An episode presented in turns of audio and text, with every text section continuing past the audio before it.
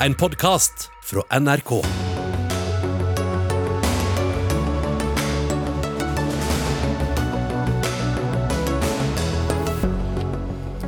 Kvinnelige fiskere finner mannlige kolleger i senga si på lugaren. Hets og trakassering i hverdagen, sier 24 år gammel fisker. Når skal vi egentlig holde oss hjemme fra jobben, og hvem skal ta regninga når uh, forkjølelsen setter inn og sykefraværet tar av? NHO mener staten burde stille opp en god stund til. Fattige Jordan mottar milliarder i internasjonal hjelp, mens eh, kong Abdullah han har sin egen milliard plassert i eiendommer i utlandet. Det blir bistand med bismak, mener Midtøsten-ekspert. Og SV har satt en stor annonser i dansk avis for å vise at de prøvde å bedre klimapolitikken. Sånn ødelegger de Norges renommé i utlandet, klager Frp. Ja, god kveld og velkommen til Dagsnytt 18 med Lila Sølhusvik som programleder. Senere i sendingen skal vi også høre sterke reaksjoner på at det vil ta fem år før publikum får se vikingskipene igjen. Men først. Like før valget så kom regjeringen med en strategi for å få mer likestilling i fiskeriene. Per i dag er dette et av de mest eh, kjønnsdelte yrkene i Norge, og under 3% av norske heltidsfiskere er kvinner. Men en av de svært få. Det er du, Susanne Mortensen, som har skrevet en kronikk på Ytring her i NRK om din arbeidshverdag. Og I den kronikken så skriver du om hets og trakassering, og du skriver også at du er dritflau faktisk over yrket ditt. Hvorfor er du så flau? Eh, det handler vel mye om at eh, vi i dag, fremdeles i 2021, plaga med det samme som si, vi var på 80-tallet i andre yrker. Rett og slett trakassering. Det går veldig mye på kjønn. Um, at jeg som jente ikke kan være fisker. Du skriver at er, det er et under at du i det hele tatt har holdt ut. Hva er det du har holdt ut, da? Eh, det har jo vært eh, daglige trakasseringer i forhold, i forhold til hvordan kjønn jeg er. Eh, jeg har fått kallenavnet hore eller fettkjerring om bord. Altså, det her er det kollegaene mine har kalt meg. I stedet for Susanne så har det blitt fettkjerring. Eh, jeg har blitt satt i oppgaver jeg ikke kan eh, mestre, eh, som jeg ikke er kompetent nok til å gjøre. Kun fordi at menneskene som jeg jobber med, de skal ha noe å flire av. Har du sagt ifra? Ja, jeg har sagt ifra med de forutsetningene jeg har hatt til å si ifra. Eh, og jeg er jo ikke alene om å ha sagt ifra. Det har de fleste kvinnelige fiskerne faktisk gjort. Hvem er du har sagt ifra til? Det har vært eh, rederi. Eh, eh, det har vært sjefene mine på jobb, altså de jeg jobber med, som er øverst på høyeste hold, eh, og fagforeninger. Og hva er svaret da? Det har vært litt ymse tilbakemeldinger, men jeg føler det at de ikke tar det på alvor. Det blir litt som at jeg er en barnehageunge som står i sengekassa og roper 'hjelp meg', liksom. Men eh, hvilken båt er det du har vært på? Hva, hva, er jobben din? Kan du forklare oss det? Eh, jeg er eh, yrkesutdanna si, fisker. Jeg har fagbrev som fisker. sånn at eh, jobben min er jo produksjon av fisk. Mm. Men eh, er det en stor båt? Liten båt? Hvor mange er det der? Eh, det har vært litt forskjellig. Jeg jobber på litt forskjellige båter. og det er samme ukulturen overalt, altså. Så det, du blir kalt det samme type ordene uansett hvor du er? Ja, det er altså ord som er basert på kjønnet mitt. Eh, ord du ikke kunne kalt en mann. Tror du det er annerledes eh, i fiskeribransjen enn det er i f.eks. For i Forsvaret, eh, andre yrker der det er svært få kvinner? Jeg tror det er veldig annerledes i fiskeriet enn det er i f.eks. For Forsvaret, ja. Hvorfor det? Fordi at i fiskeriet så er du en lukka gruppe. Det er jo ikke så veldig mye åpenhet blant fiskebåtene. Du er jo ute på havet i fem uker i strekk sant? uten å se noen andre enn de du jobber med. Det er vanskelig da å gjøre noe med det. Føler nå i hvert fall jeg, som jeg har vært alene og fisker som jente om bord på de fleste båtene jeg jobber med. Mm. Når man opplever trakassering, så er det jo ofte litt sånn at ja, men kan du ikke bare si fra, da? Ja, det, det, er veldig enkelt å si det. Kan du ikke bare si fra, da? Men hvem du da skal si fra til? Eh, sjefen din som er like mye med på det som alle andre?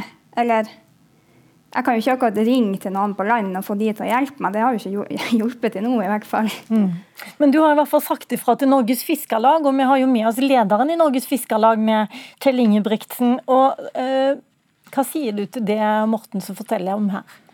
Nei, det, det, første jeg vil jo si, det er jo at det er veldig prisverdig det at hun står fram og forteller sin historie. og det å uh, få bukt med sånn type atferd, det har vi i Fiskarlaget prioritet på. og Det er en måte å få det til. At folk må stå fram og fortelle. Og uh, vi um, holder jo på å kartlegge hva vi kan eller situasjonen der ute. og har, jeg kan jo nevne det at Vi skal jo i morgen ha en, et møte med Susanne og gå gjennom hennes situasjon som selvfølgelig er dypt beklagelig. Norsk fiskerinæring og det å være fisker er jo et veldig flott yrke, som bringer store verdier inn til AS Norge. og Det at vi ønsker mer damer inn i næringa, det har vi et felles ansvar for, og vi skal ta vare på dem på en god måte. Sånn at de på ingen måte skal føle seg krenka på noen slags måte. Så det skal vi ha prioritet på. For alle som følger oss på TV, så ser de at du står ved siden av en annen mann som heter Ingebrigtsen, og han er fiskeriminister. Han skal få ordet litt senere. Men jeg har bare lyst til å høre litt eh, først eh, med deg i Fiskarlaget. Nå sier jo Mortensen at du har sagt ifra før. Hun har sagt ifra til deg også. Hva gjorde du da? Ja, nå har jo ikke hun sagt ifra spesifikt til, til meg personlig. Nei, men til Fiskarlaget har hun sagt ifra. Det, det, er jo sånn at Vi har jo flere organisasjoner som organiserer fiskerne i Norge. og Det er jo ikke bare én organisasjon som har det, det, ansvaret. Men det er klart at uh, som jeg sa innledningsvis, det er utrolig viktig at det er noen som er villig å stå fram på den måten som det her blir gjort, og fortelle sin historie. For den, den blir, blir, blir vektlagt ekstra. Eh, Susanne Mortensen, eh, føler du at du har blitt hørt når du har snakka med Fiskarlaget? Nei, eh, jeg har kun sagt ifra til Fiskarlaget én gang, og det er ganske lenge siden. Det var helt i starten av min karriere som fisker. Og da fikk jeg til svar at det var ingenting Fiskarlaget kunne gjøre. De, de, kunne ikke hjelpe meg. Og det var i forhold til en trakasseringssak om bord på et litt mindre fartøy. I tillegg så stiller jeg litt spørsmål med at man må stå fram for å på en måte få bukt med ukulturen i næringa. Fiskerlaget er fullstendig klar over hva som foregår. Jeg nekter å tro at de ikke vet hvordan kvinnfolk har hatt det på sjøen de siste 30 årene.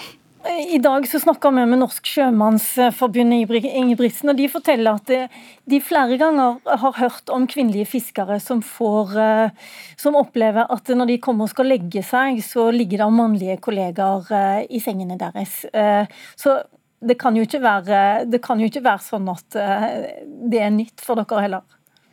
Nei, det er klart at Sånne eksempler som du viste, det skal jo ingen få lov å oppleve. Hvorfor opplever de det da?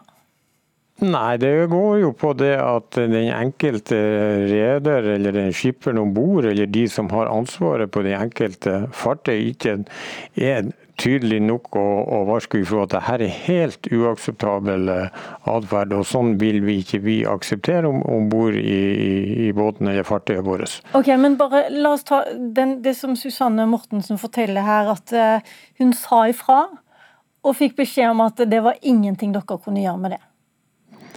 Ja, det, Jeg vet ikke hva slags type sak hun to, eh, eller type henvendelse hun, eh, hun, kom med den gangen. sånn at Det er vanskelig for meg å komme inn på akkurat det eksempelet uten at jeg kjenner den historien godt nok. Ok, Da skal vi snakke med den andre Ingebrigtsen som er med oss fra vårt studio i eh, Tromsø. Og det er deg, Odd Emil Ingebrigtsen. Du er eh, unnskyld i Bodø, eh, du er fiskeri- og sjømatminister. Og du er også representant for Høyre, selvfølgelig. Hva tenker du om historien til Mortensen her?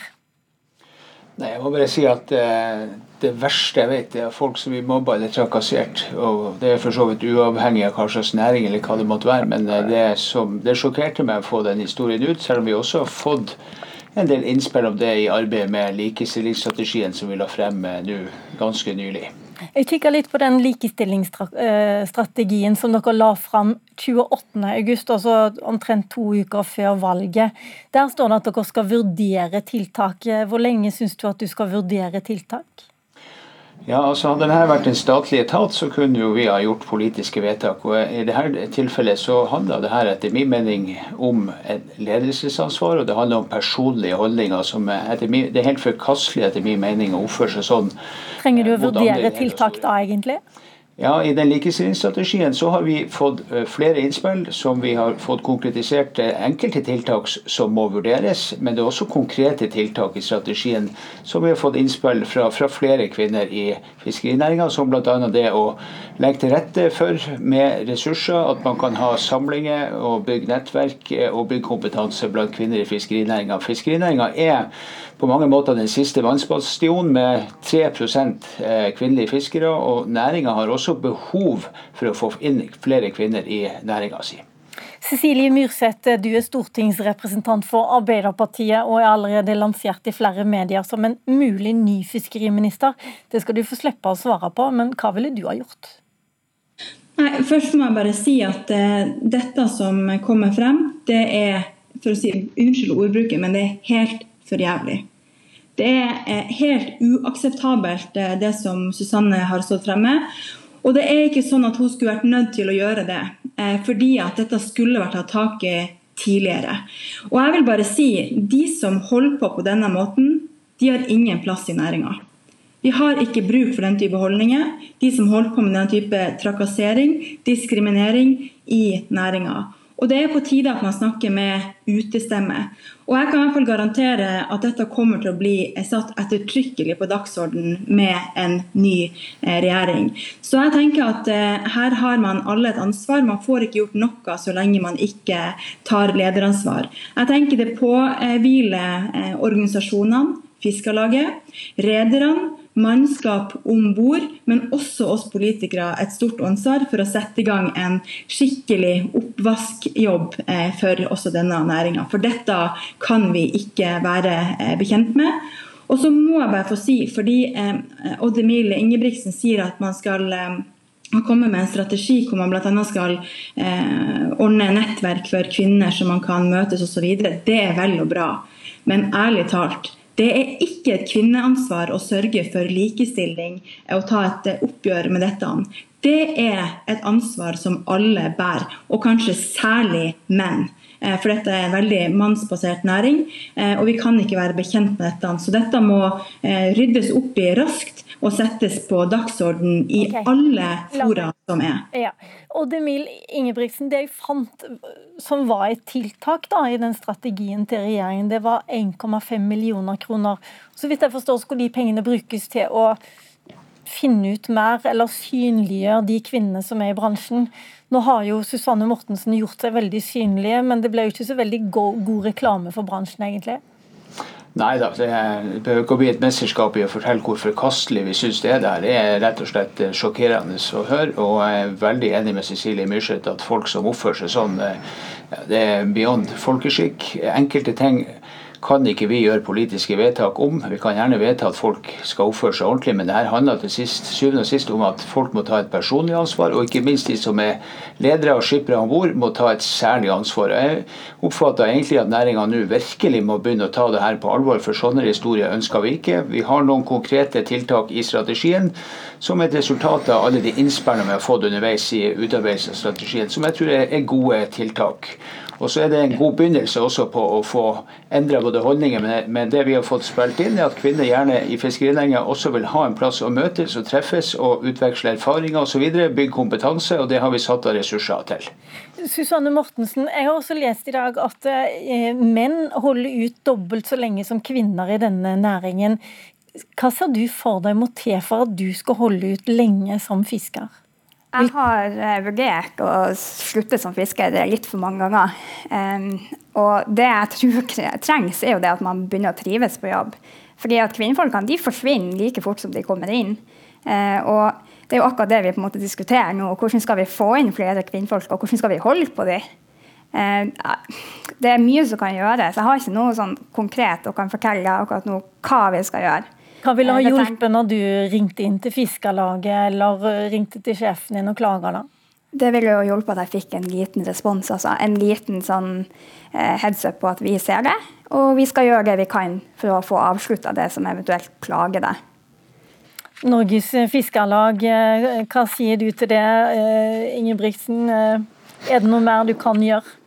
Ja, det er det helt sikkert. Og det, som sagt så øh, vil vi jo gjøre det. Og det er klart at det at alle har et tydelig ansvar. Alle som er om bord i en båt er, har ansvar for hver enkelt av sine medarbeidere. Og, og, og det her er jo egentlig både trakassering og mobbing. og Sånn kan ikke vi ha det, og sånn skal det ikke være på en arbeidsplass. Du, hvor mange kvinner er med i landsstyret i Norges Fiskarlag? Akkurat nå så har vi ingen kvinner med i landsstyret i Fiskarlaget. Av hvor mange, sa du? Har dere da? Der? Nei, vi er jo 14 i, i landsstyret. Kunne du ha begynt der? Ja, det, nå er det jo snart landsmøte, så er, det står fritt opp til, til landsmøtet å velge inn, inn, damer. og det, Vi har hatt uh, veldig kompetente landsstyremedlemmer, kvinner som har vært med tidligere og som, som har gjort en utmerket jobb. Så det, det ser vi fram til. Odd Emil Ingebrigtsen, du rakk opp hånda. Jeg hadde bare lyst til å si til Susanne at jeg syns det er veldig tøft gjort av henne å stå frem. Jeg har også registrert i etterkant at du har gjort det. at det virker som om kanskje alvoret har begynt å sige innover næringa. Så sånn sett så tror jeg ikke det er fånete at du har stukket hodet frem. Eh, og av og til så er det nødvendig å lage litt, litt høylytt støy for å få oppmerksomhet, dessverre.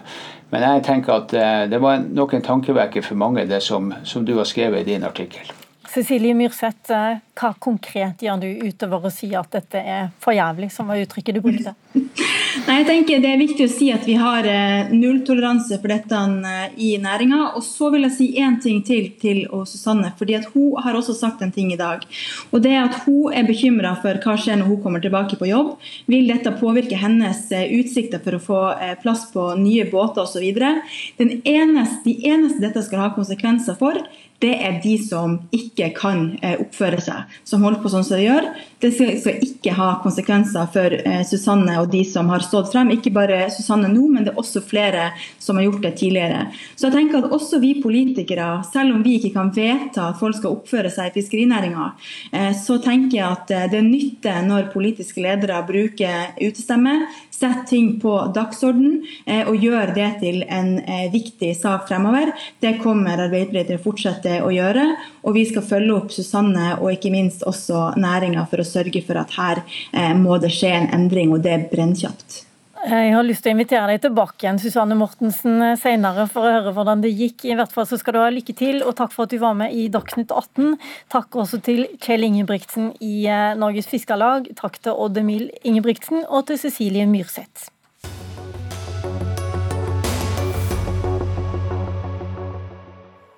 Ja, noen eh, eh, regler gjelder fortsatt, selv om Norge har gjenåpna.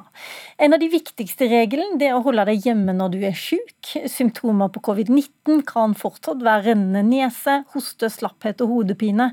Og dette kan jo være plager som rammer mange av oss nå som det går mot mørkere og kaldere tider. Men i NHO så reagerer dere på at arbeidsgivere heretter skal ta regningen igjen, sånn som det var før covid-19 slo inn for arbeidstakere som er hjemme fra dag fire. Og hvorfor mener du det er urimelig, Nina Melsom, du er direktør for arbeidsliv i NHO? Tidligere så var det sånn at eh, man har, eller veldig enkelt sagt, når man er syk eller arbeidsufør, så er det ett regelsett som gjelder. Og under korona så har man innført et annet regelverk ved såkalt koronarelatert fravær. Det er det regelsettet man tar bort nå. Og Det vi ønsker er en avklaring fra myndighetene på hva gjelder da. Det tenker vi er viktig både av hensyn til arbeidsgiver og arbeidstaker. Er det slik at, eh, man, eh, at vi nå skal holde oss hjemme ved lette forkjølelsessymptomer? Eller skal, vi, eh, eller skal, man gå på jobb? Hvis det er sånn at man senker terskelen for sykefravær, så vil det påføre bedriftene økte kostnader. I forbindelse med vikarer eller andre ting. Men senke terskelen, hva mener du da? Altså, vi vet alle at vi skal ikke gå på jobb hvis vi hoster eller eh, har rennende nese eller har sår hals, sånn som vi gjorde tidligere. Ja, og Det er det vi egentlig ønsker en avklaring på. Er det sånn, er, går vi tilbake dit vi var før? Eller mener myndighetene at vi skal holde oss eh, hjemme i større grad enn før? Og For å ta noen eksempler. Mm, det var et veldig klart spørsmål som jeg syns vi skal rette, rette til Vegard Einan, som er statssekretær i Arbeids- og sosialdepartementet. Eh, skal vi følge reglene sånn som vi hadde det før covid, eller er det noen ekstra regler vi skal følge? Ja, jeg tror Kanskje vi må stille oss spørsmålet først. Hvilke regler fulgte vi før korona og covid kom? Fordi at eh, Mange av oss, i hvert fall har jeg erfart at kollegaer hadde med seg unger på jobb fordi at de var for syke til å være i barnehagen, så de fikk ikke lov å komme dit. Så de tok dem med seg på jobb for de hadde feber eller hoste eller, eller ja, rett og slett for syke. Eh, og Det er jo egentlig ikke sånn man ønsker å ha det på arbeidsplassene. Også kollegaer kom på jobb med feber eller hoste. og Jeg har vært på jobb hvor jeg ser i, en sånn med sånne koronabriller på meg, så skjønner jeg at jeg kanskje heller burde vært hjemme. Jeg tror at vi skal tilbake til en eh, situasjon som den burde ha vært før covid, og som vi må ha nå også eh, med de siste, siste årets erfaring. at Hvis du er syk, eh, og som de siste rådene fra eh, helsemyndighetene og regjeringa sier fra forrige fredag, sier hvis du har um, symptomer på luftveisinfeksjon og det her er ikke sånn mild forkjølelse, det er ikke sånn lett snørring eller snufsing, som vi kaller det. Men altså hvis du har hoste, hvis du har feber, hvis du har tap av lukt og smakssans, eller hvis du har generelt nedsatt allmenntilstand, da skal du ta en test Eh, og Hvis den testen er negativ, så kan du gå på jobb med mindre du har feber eller er, rett og slett er så dårlig at du faktisk er syk. Så det er ikke lenger sånn at man trenger å, å vente i dagevis for å få svar. Men jeg syns uansett Ok, hvis, bare vent litt, der, vent litt der. Fikk du den avklaringen du trengte nå? Melsen. Nei, jeg gjorde egentlig ikke det. fordi jeg tror alle er enige om at har du feber, så er du hjemme fra jobb. Eh, men det er der hvor du, det mange ansatte setter ord på, er jo hvis jeg hoster litt, hvis jeg snufser litt, skal jeg gå på jobb, eller kan jeg gå på jobb hvis jeg er bygningsarbeider, hvis jeg er restaurantarbeider? Det er dels også av hensyn til, til kundene, til, til, til, kollegaene dine. Man føler litt på er terskelen en annen enn det den var tidligere. Og så hører jeg jo Einan sier at man kan teste seg. Og det kan man jo gjøre, men, men, men, kan arbeidsgiver kreve at du tester? Det tror jeg han svarer eh, nei til. Og da blir det igjen en sånn uavklart situasjon. For som jeg snakket med okay, helsearbeider i dag, bare for å ta det eksempelet, som hun sa jeg snusser litt. Jeg tok en koronatest. Men likevel så føler jeg et visst ubehag ved å stille opp på jobb, fordi at eh, dels av hensyn til pasientene mine, og dels av hensyn til kollegene mine. Sånn at eh, jeg tror liksom det som kan være greit, er at vi nå bruker litt tid på å finne ut av hva skal være de nye kjørereglene eh, post korona. Jeg er sikkert ikke alene om å være sånn som hoster i mange uker istedenfor å bli ferdig med det på tre dager. Eh, Einan. Og hva er da ditt råd? Skal man gå på jobb når man hoster, selv om kollegene blir eh, ubekvemme? Ja, altså, det, det, her er jo en um, det er litt sånn, uh, det er individuelt hvor, hvor, mye hosting har man. og Det her ligger egentlig ganske godt beskrevet på Folkehelseinstituttet sine nettsider på fhi.no. Der har de laga til og med et eget et flytskjema hvor du kan krysse av eh, på negativ eller positiv på test. Når skal du teste, og når skal du eventuelt gå tilbake på jobb. Eh, og det som, det som, er svaret er egentlig at hvis du føler deg bra, selv om du måtte hoste, eller selv om du måtte Uh, og selv om du måtte ha litt sånn snufsing, som, som Melsom beskriver, så tar du en test, og den er negativ, så kan du gå på jobb. Okay. Du må jo fortsatt føle deg frisk. Men det vi egentlig diskuterer her nå, det er hvem som skal ta regningen, Melsom. Og det du er redd for, det er rett og slett at eh, arbeidsgivere skal ta uh, regningen for litt overengstelige arbeidstakere, er det ikke det? Jo, Vi får tilbakemeldinger nå fra bedrifter, eh, typisk restaurantnæringen, som blir redd for, for de har jo mangel på arbeidskraft allerede nå. Vi er i den heldigstilte situasjonen at det er veldig mange av oss som ønsker å gå ut eh, og spise. Eh, og de er redd for at veldig mange av sine ansatte nå holder seg tilbake, vegrer seg mot å gå på, på jobb. Og det vil påføre bedriftene en økt kostnad i forhold til der vi var før korona. Men bedriftene har også økte inntekter. Er ikke det da rimelig at eh, bedriftene tar de kostnadene også?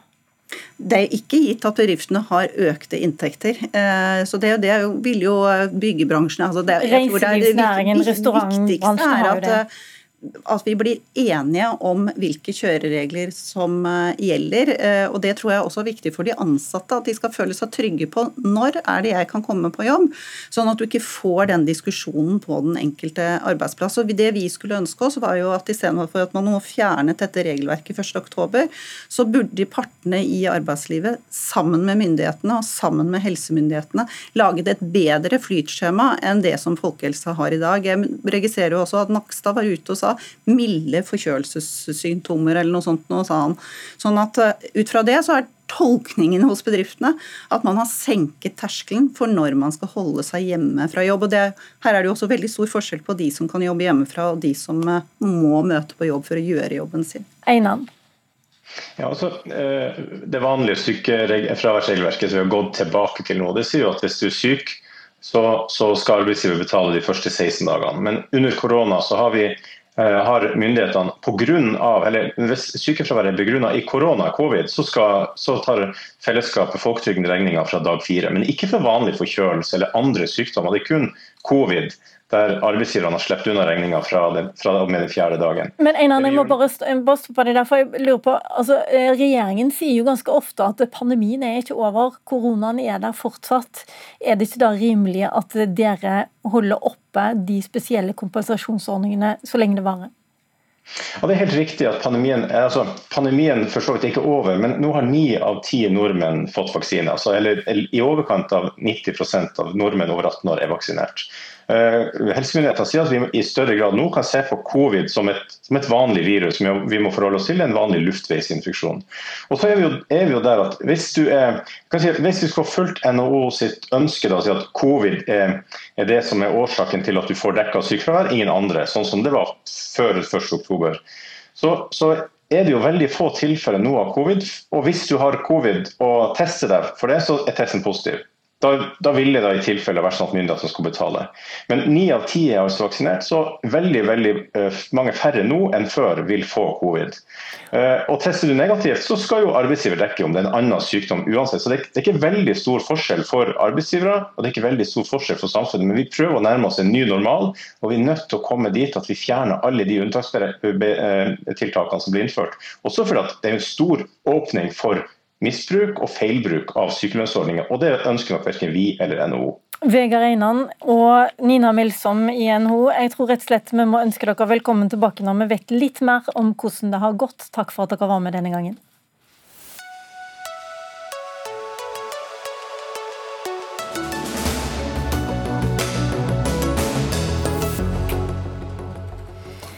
Torsdag i forrige uke så stengte Vikingmuseet på Bygdøy i Oslo dørene, og de åpner ikke igjen før i 2026. Årsaken det er byggingen av det nye vikingskiphuset som regjeringen gått, ga grønt lys for i fjor. Det betyr at en av de største turistattraksjonene her i landet ikke blir tilgjengelig for publikum de neste fem årene. Og dette får deg til å reagere, Mona Pale Bjerke, du er kunstkritiker her i NRK. Du kaller det tragisk og kritikkverdig, men vi har hørt nå igjen og igjen at dette, disse vikingskipene de er i ferd med å smuldre opp, og at et nytt museum er helt nødvendig. Er det ikke også da nødvendig å stenge disse årene? Jeg tenker at man måtte ha klart å finne en løsning der man ikke behøvde å stenge et halvt tiår. Det er en epoke, altså det er mange åreganger med skolebarn som ikke ikke får den nærheten til vikingtiden som disse fantastiske funnene eh, egentlig gir oss. Altså, dette er, ved siden av stavkirkene, vårt viktigste bidrag eh, til verdens kulturarv. Og jeg tenker at Det er så lett i Norge, vi er så rike, det er så lett for oss å sitte og si at vi stenger bare eh, i hele denne epoken. Eh, man måtte klare, sånn som man klarer i utlandet, å bygge og samtidig vise, i hvert fall i deler av det gamle museet, kanskje først skip og gjenstander, og så kanskje etter hvert eh, bare gjenstander. Og så vil det selvfølgelig være tilgivelig om man stengte dørene i ett år, men fem år det er rett og slett hårreisende, det er uakseptabelt. Håkon Pine Glørstad, du er direktør ved Vikingskipmuseet. Da må du forklare oss hvorfor det er nødvendig å holde stengt i fem år. Ja, det skal jeg gjøre. Først vil jeg jo si at jeg er helt enig i at det er jo veldig leit at vi ikke kan vise skipene fram for publikum når vi har stengt, men vi må altså stenge. og Grunnen til det er at vi må sikre skipene og de gjenstandene som skal stå i Vikingskipshuset mens byggingen pågår. Sikringen den foregår ved at vi bygger stålrigger rundt vikingskipene. Og disse Stålriggene skal beskytte mot byggeaktivitet, og de skal også løftes slik at de er vibrasjonssikrer skipene. Disse riggene er så store at når de er på plass, så er det ikke plass til publikum. Og Arbeidet med å, lage riggene og skru de opp og, og, og, justere alt, er også både tid- og plasskrevende. Og Alt dette må vi ha på plass før vi begynner med selve byggingen. Men sånn som jeg forstår, så skal vikingskipene stort sett bli liggende på samme sted, og så skal dere bygge hus rundt på baksiden der. Kan man ikke holde åpent i den mellomfasen? Da er bygget helt fullt av, av, tekniske installasjoner for å sikre de gjenstandene som står i det gamle bygget.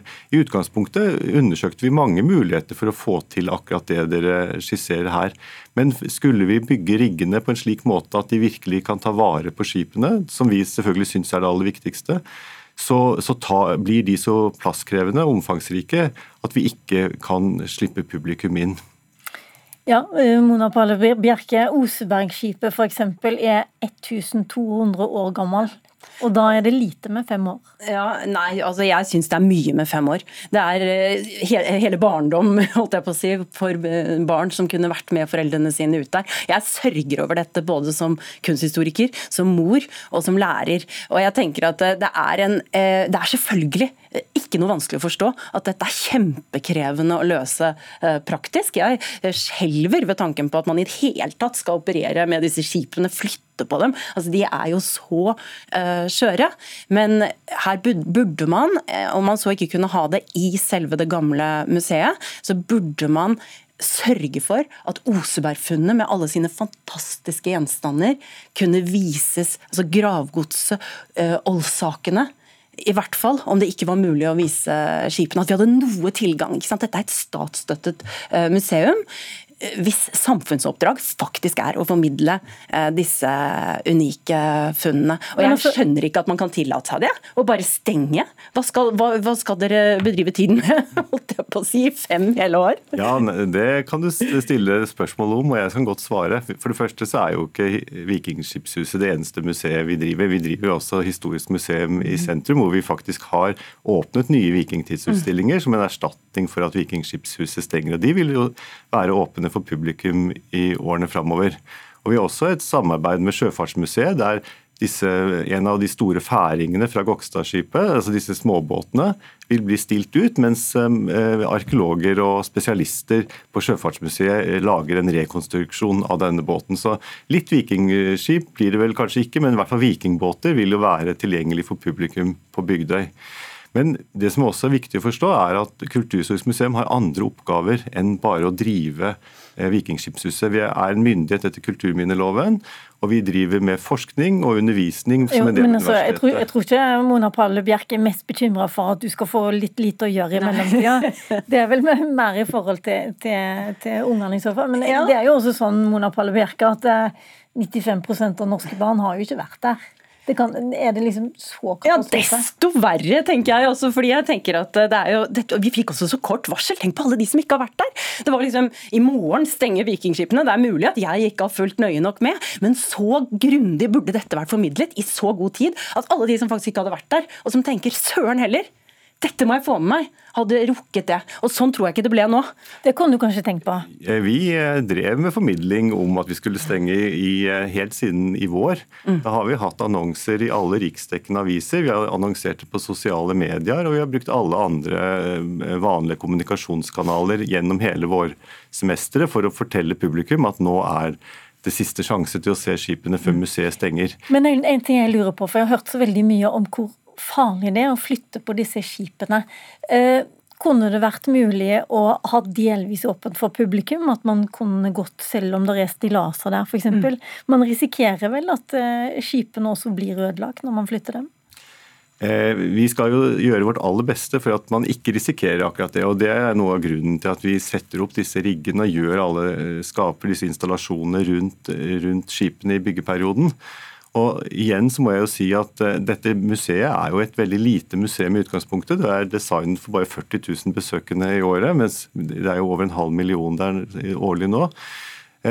skulle vi, vi, Når vi får opp hele dette apparaturet rundt skipene, så er det så trangt inne i museumsbyggene at det ikke er plass til å ta publikum inn på en forsvarlig måte. Det høres ganske vanskelig ut. Og Det er jo ikke noe tvil om at en sånn flytting er vanskelig, ikke minst når det er så skjøre gjenstander. Men her burde man jo ha eh, ikke hatt fem års stengning som en mulighet på bordet. Man burde tenkt ja det kunne vært fristende, det kan vi faktisk ikke tillate oss. Hva gjør vi da? Og så måtte man kanskje ha bygget opp en paviljong. Her viser vi Osebergfunnene. Der er det helt fantastiske ting. Treutskåret uh, vogn med nydelige fortellinger i tre. Der er det sleder. Der er det uh, huskeråd, verktøy. Masse som gir innblikk, ikke bare i vikingtidens liv og uh, alt de gjorde, men også hva de tenkte om døden. Fordi de tok med seg alt dette her i graven. Jeg må spørre deg, Glørstad, til slutt. I 2026 er det 100 år siden Osebergskipet ble frakta eh, til Bygdøy og vist åpen for publikum. Rekker dere dette 100-årsjubileet? Kan vi stole på at fem år er nok? Vi skal gjøre vårt aller beste for at fem år skal være nok. Ok, aller beste. Da krysser vi fingrene for det. Tusen takk, Mona Pale Bjerke. Tusen hjertelig takk også til Håkon Pine Glørstad, direktør ved Vikingskipmuseet.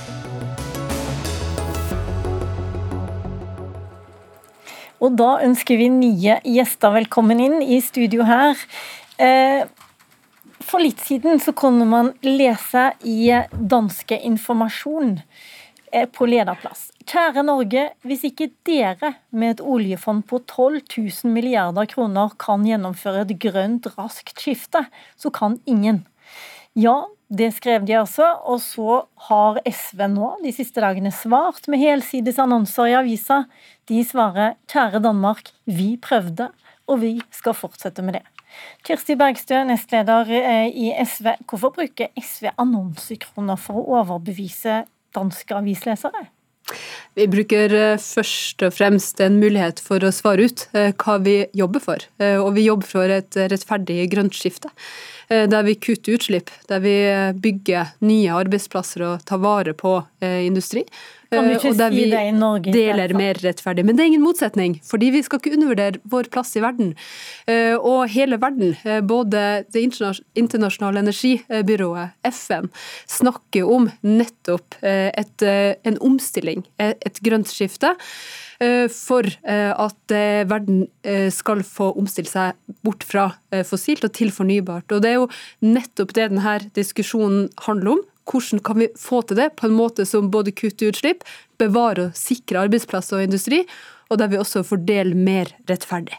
Ketil Solvik-Olsen, du er nestleder i Fremskrittspartiet, og du sier at SV holder på å ødelegge Norges renommé i utlandet. På hvilken måte? Eller egentlig, på hvilken måte da? Ja, de er jo egentlig med å undergrave den jobben som Norge har gjort og holder på å gjøre. Vi kan være uenige litt om eh, liksom går ting fort nok. Men det er ingen tvil om at under den regjeringen som har sittet nå, så har eh, satsingen på fornybar energi blitt dobla. Norge har et langt bedre miljøregnskap enn danskene har på energisektoren. Vi har 100% fornybar. Det har ikke danskene. De importerer til med norsk gass og bygger nå en gassrørledning for å importere mer gass fra Norge. Og At SV da teamer opp med venstresiden i Danmark, er ikke overraskende. Men problemet med det SV gjør, er jo at de undergraver hele arbeidet som har, har, vært gjort nettopp med å redusere utslipp. Det at vi investerer mer i fornybar energi, det at vi investerer mer i grønn teknologi. Ja, men Er det, så ille at de sier det i Danmark, egentlig akkurat det jo, samme som du sa nå, har jo sagt til deg mange ganger før? Jo, jo. Men poenget er at nå skal, nå skal norske politikere delta i Glasgow på internasjonale klimaforhandlinger. Hvis utgangspunktet der når Norge skal forhandle er at et av de norske partiene er med å undergrave internasjonalt hvor Norge står hen, og later som at ting er mye verre, så betyr det at vi sannsynligvis får mye høyere kostnader, mye verre restriksjoner forsøkt pålagt oss enn det vi ellers hadde trengt å gjøre. Og Det er ikke, det er ikke en sånn forsiktig overgang det SV holder på med. SV sier de skal fase ut letevirksomhet og nye investeringer. Det vil ta vekk 175 milliarder kroner fra norsk økonomi over natta. Det er en radering av norsk, norsk, økonomi og arbeidsplasser. Det er ikke å skape nye arbeidsplasser. Okay, I tillegg tror... så ser vi altså at Danmark er avhengig av norsk gass. Ja, nettopp. Ikke alle poengene dine samtidig her, men jeg lurer på, Kirsti Bergstø, hva tenker du om at eh, du ødelegger Norges renommé i utlandet? Først si at vi skal ikke kutte investeringene, vi skal vri dem. Eh, og det er viktig å ha med seg, eh, fordi her er det taktskiftet som må til. Ok, nå har du eh, sagt det. så spør du om eh, vi ødelegger Norges renommé. Det vi svarer på, det er den utfordringa som den danske avisa stilte. Hvem kan få til eh, et, eh, en omstilling, et skifte, om ikke Norge kan? Eh, og Det er et veldig godt spørsmål, fordi vi har kapital, vi har den industrielle kompetansen, og om vi klarer å mobilisere den politiske vilja, ja, så klarer vi det. Og Men da er lurer jeg på en ting. Sier du også til danskene da at dere kan bare altså Det er ikke så rart at dere ikke får det til, for vi som har 12 000 milliarder på bok, vi får det heller ikke til. På ingen måte, for det vi sier er at vi prøver. eh, Og der det finnes politisk vilje, ja, så finnes det også en vei. Eh, Og det eh, som vi ser, er jo at Norge er ei sinke. I dag så er NHO ute og sier at Norge investerer ikke fornybart. Og vanligvis så bruker Frp å lytte langt mer enn SV gjør til NHO. Og vi ser også i krisepakkene, som har vært rulla ut over hele Europa siste tida, så har eh, EU 38% av eh, krisepakkene går til eh, fornybar energi, på klima og på, på en, en grønn omstilling, mens Norge bare har 2% Så det her handler jo rett og slett om at skal vi kunne ha arbeidsplasser i fremtida, ja, så er vi nødt til å investere klokt for å få det til. Det skjer ikke av seg sjøl, og markedet gjør ikke jobben. Solvik-Olsen, tror du de bryr seg om i Danmark? Et, et parti som tross alt bare har 7,7 oppslutning i Norge? Jeg håper de ikke gjør det. fordi at Hvis en skulle gjort som SV hadde ønska, så hadde du både fått en mye dyrere og dårligere krav fra, fra internasjonale hold. Det ville ikke skapt arbeidsplasser i Norge. Men altså, det som denne lederartikkelen tok utgangspunkt i, det var jo et eh, krav om at Norge måtte fase ut vår olje- og gassproduksjon. Og Det er jo det eh, SV egentlig da svarer på. Faktum er jo at Danmark holder samtidig på å bygge en ny gassrørledning til Norge. De eh, holder på å bygge og Det trenger de fordi at de ikke klarer å forsyne seg selv bare med vindmøller. Det er ikke forutsigbart nok. Norge har altså en mye renere energimiks enn det danskene har. Hvis vi hadde gjort som SV ville og fase ut olje- og gassnæringen vår ganske kjapt, så er det jo ikke nødvendigvis vår energiforsyning vi hadde ødelagt, men det er jo nettopp danskene sin. Og det er liksom, at en lederartikkel er helt på bærtur, og da forsvarer med norske skattebetalte penger gjennom et parti på at jo, men dere har rett, men vi fikk det ikke til. Hva kosta den annonsen, Kirsti Bergstø? Det husker ikke jeg, men det var ikke særlig dyrt. Eh, Men innholdet Hva betyr ikke særlig dyrt? Jeg, jeg husker ikke, jeg har ikke vært med på å betale for den. Eh, Det må vi spørre partisekretæren om. Eh, Men innholdet har vi diskutert, og annonsen er både betalt og levert. Og, og, og Jeg kan ikke huske sist dere satte inn helsidesannonser i norske aviser. Det gjorde vi senest eh, på lørdag. Ja, ok. Eh, Så hadde vi en eh, annonse med noe av det samme innholdet. Og det handler om at flertallet i Norge har stemt frem en ny politisk kurs. Både når det gjelder miljø og når det gjelder fordeling. Okay. Det, da var det det jeg som ikke fulgte godt nok med i alle avisene, men, men kanskje bare spør hva, er, eh, hva sier du til at, at danskene eh, At Norge taper forhandlingsposisjon med den type argumentasjon? Norge er nødt til å ta eh, den muligheten som vi har, og det kan vi bare gjøre sjøl. Med helt nødvendige investeringer. Og så lages det et skrekkelig svartmalt bilde her eh, fra Solvik-Olsen. Men det som, eh, som eh, industrien og folk som jobber Det er vel litt petroleums- svartmaling dere har også, når Nei, dere fordi- går god for det informasjonen skriver, bl.a. om at, eh, at eh, Norge risikerer å sette sitt ellers velfortjente gode renommé på spill. Ja, det gjør vi. Og vi, vi risikerer også å sette våre arbeidsplasser på spill. Og det er jo nettopp derfor det er nødvendig, men forpliktende gradvis innfasing av grønne investeringer. Sånn at vi får et bedre samspill mellom både naturressurser, okay, nå- mellom industri og arbeidsplasser. Og det kommer ikke av seg sjøl. Nei, men vi er enige om fasen grønne investeringer. det er vi i. Den La Solvik-Olsen få siste nå. Vi er enige om å satse på grønn, på grønn eh, teknologi og grønn eh, energi. Det, det, men altså, det har blitt dobla under dagens regjering. Det kommer du ikke vekk fra. Derfor svartmaler du. La meg få snakke ferdig. Det som, det som er uenigheten her, det er rollen til olje og gass i dette. Danskene bruker norsk olje og gass. Det dere vil foreslå, vil ødelegge norsk økonomi. Det er det vi er imot. Nå tror jeg av hensyn til bordet, av hensyn til lytterne og av hensyn til dere skal dere få si Jeg skal si tusen takk eh, for at dere kom, og så får vi ta den norske innenriksdebatten etterpå.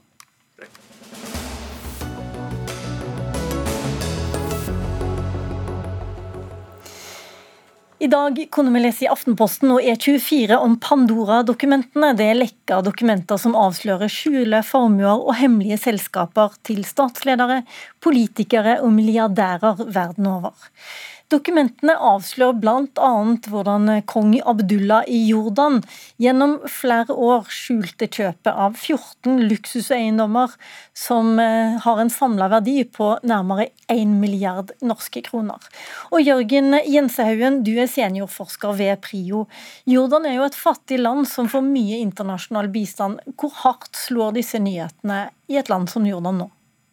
Nei, altså Det ser jo ikke bra ut. Eh, bare for å sette litt kontekst på hvor fattig Jordan er. Det er 144 eh, i verden i eh, GDP per capita. Og det er også et land som huser oppimot en million syriske flyktninger. Tall er omstridte der, men det er fryktelig mange. Og det er på en måte så, så fattig at den mengden bistand som blir gitt, det strekker ikke til. Det er FN helt tydelig på. Fordi det er så mange flyktninger som, som huses der. GDP er altså bruttonasjonalprodukt.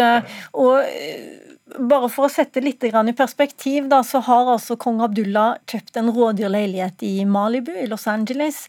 Han øh, har også kjøpt en leilighet med utsikt over Stillehavet til nærmere 200 millioner kroner. Det var den daværende prisen. Er det aksept i det jordanske folket at en konge trenger spesielle privilegier?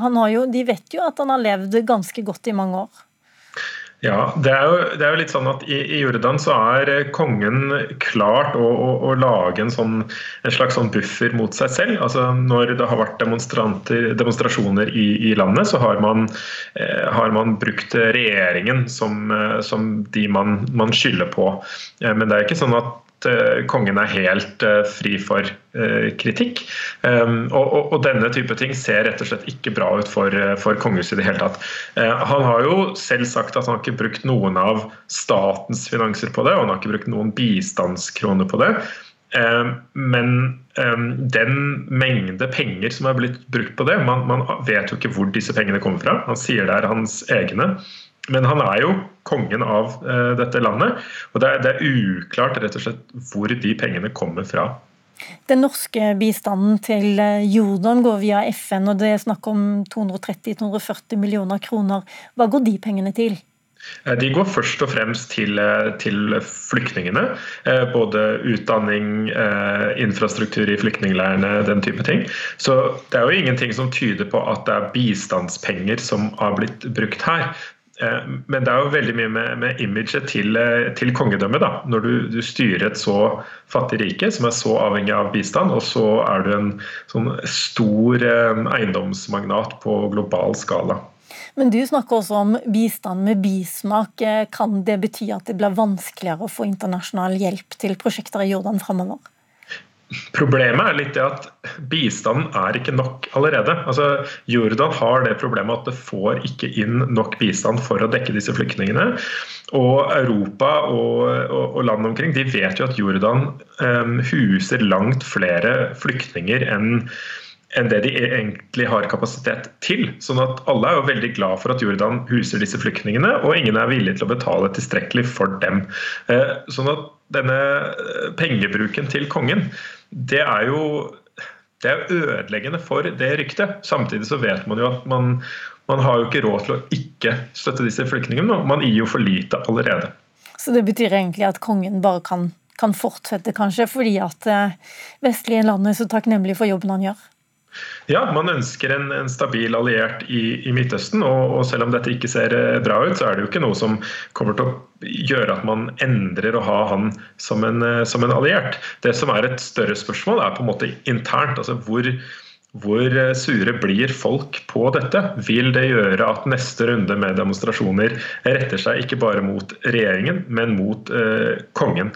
Eh, og det har vært runder med eh, demonstrasjoner. Eh, nå er jo arbeidsløsheten i Jordan omtrent på 20% så det er et stort press på, på styresettet. Tusen takk for at du var med oss, Jørgen Jensehaugen Haugen fra PRIO, der du er seniorforsker.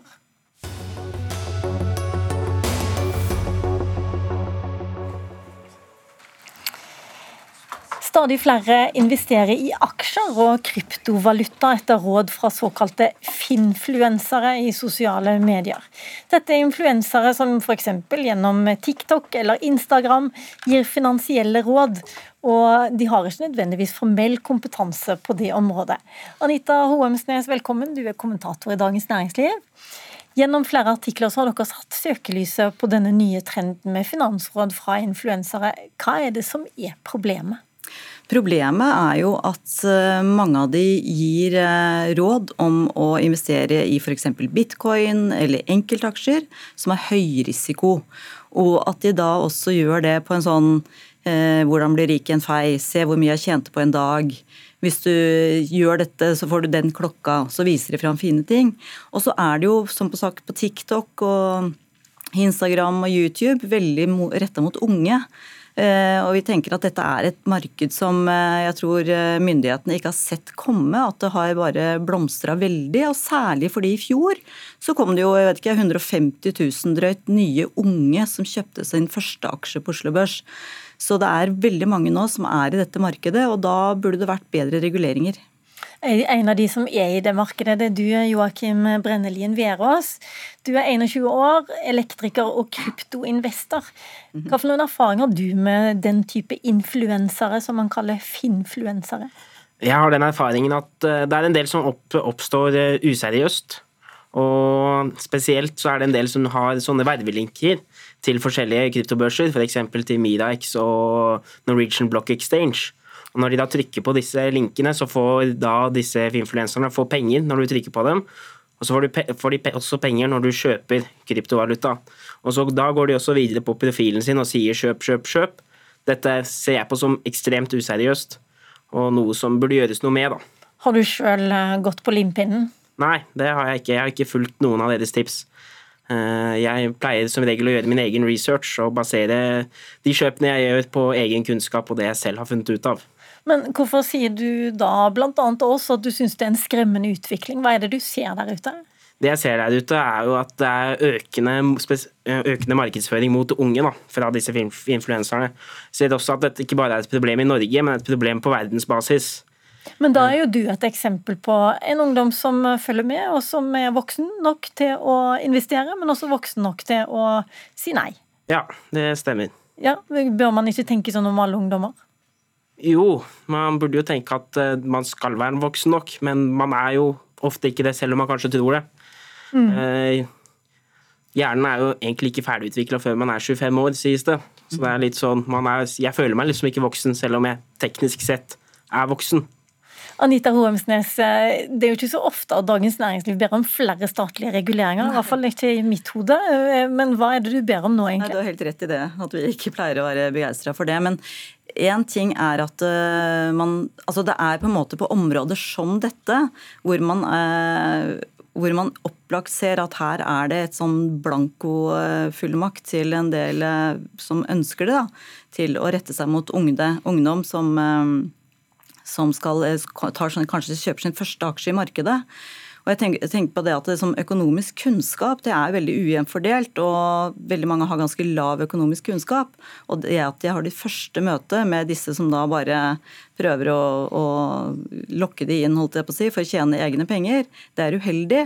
Og så tenker jeg både Forbrukertilsynet og Finanstilsynet har for så vidt regler som de kunne brukt mer, altså brukt det handlingsrommet som allerede eksisterer, da, til å virkelig sette noen eksempler for, eh, for hvordan man kan eh, stramme inn for disse influenserne. Men det aller viktigste er jo at de bør være der.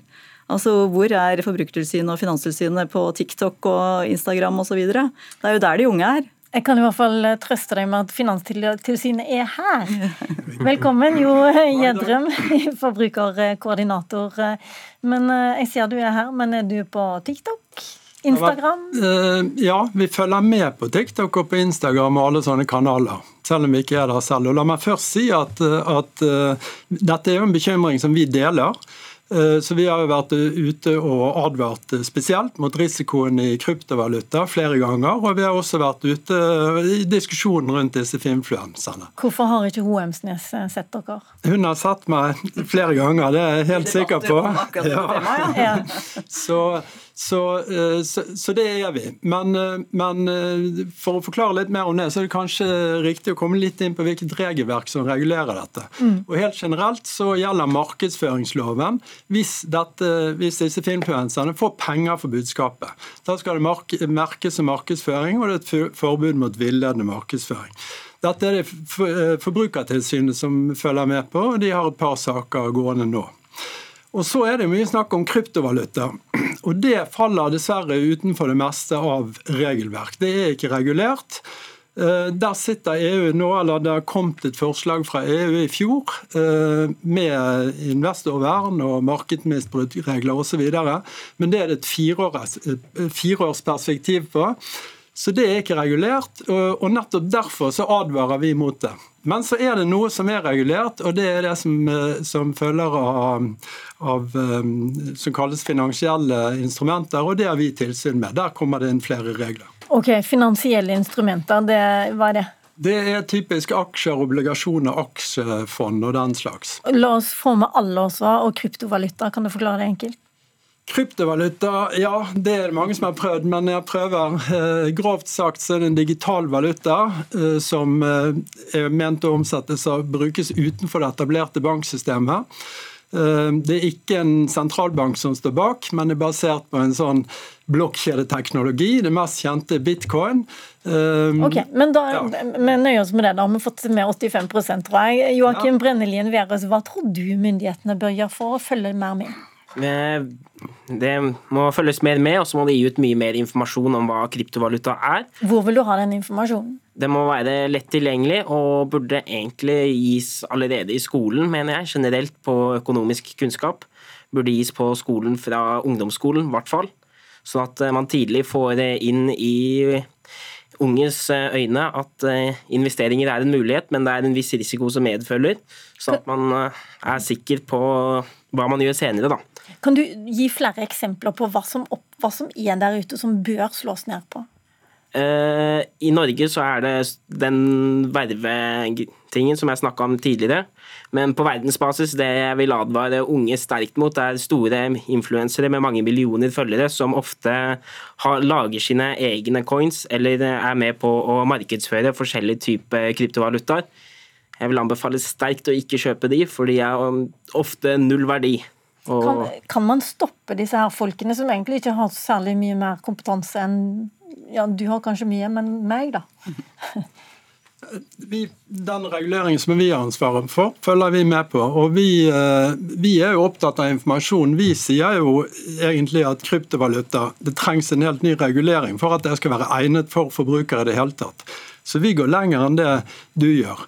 Eh, men når det gjelder det med informasjon, så ser vi jo at våre advarsler og det vi går ut med, det når ganske bredt. Det når inn i sosiale medier. Men det vi det når inn i sosiale medier, på hvilken måte da?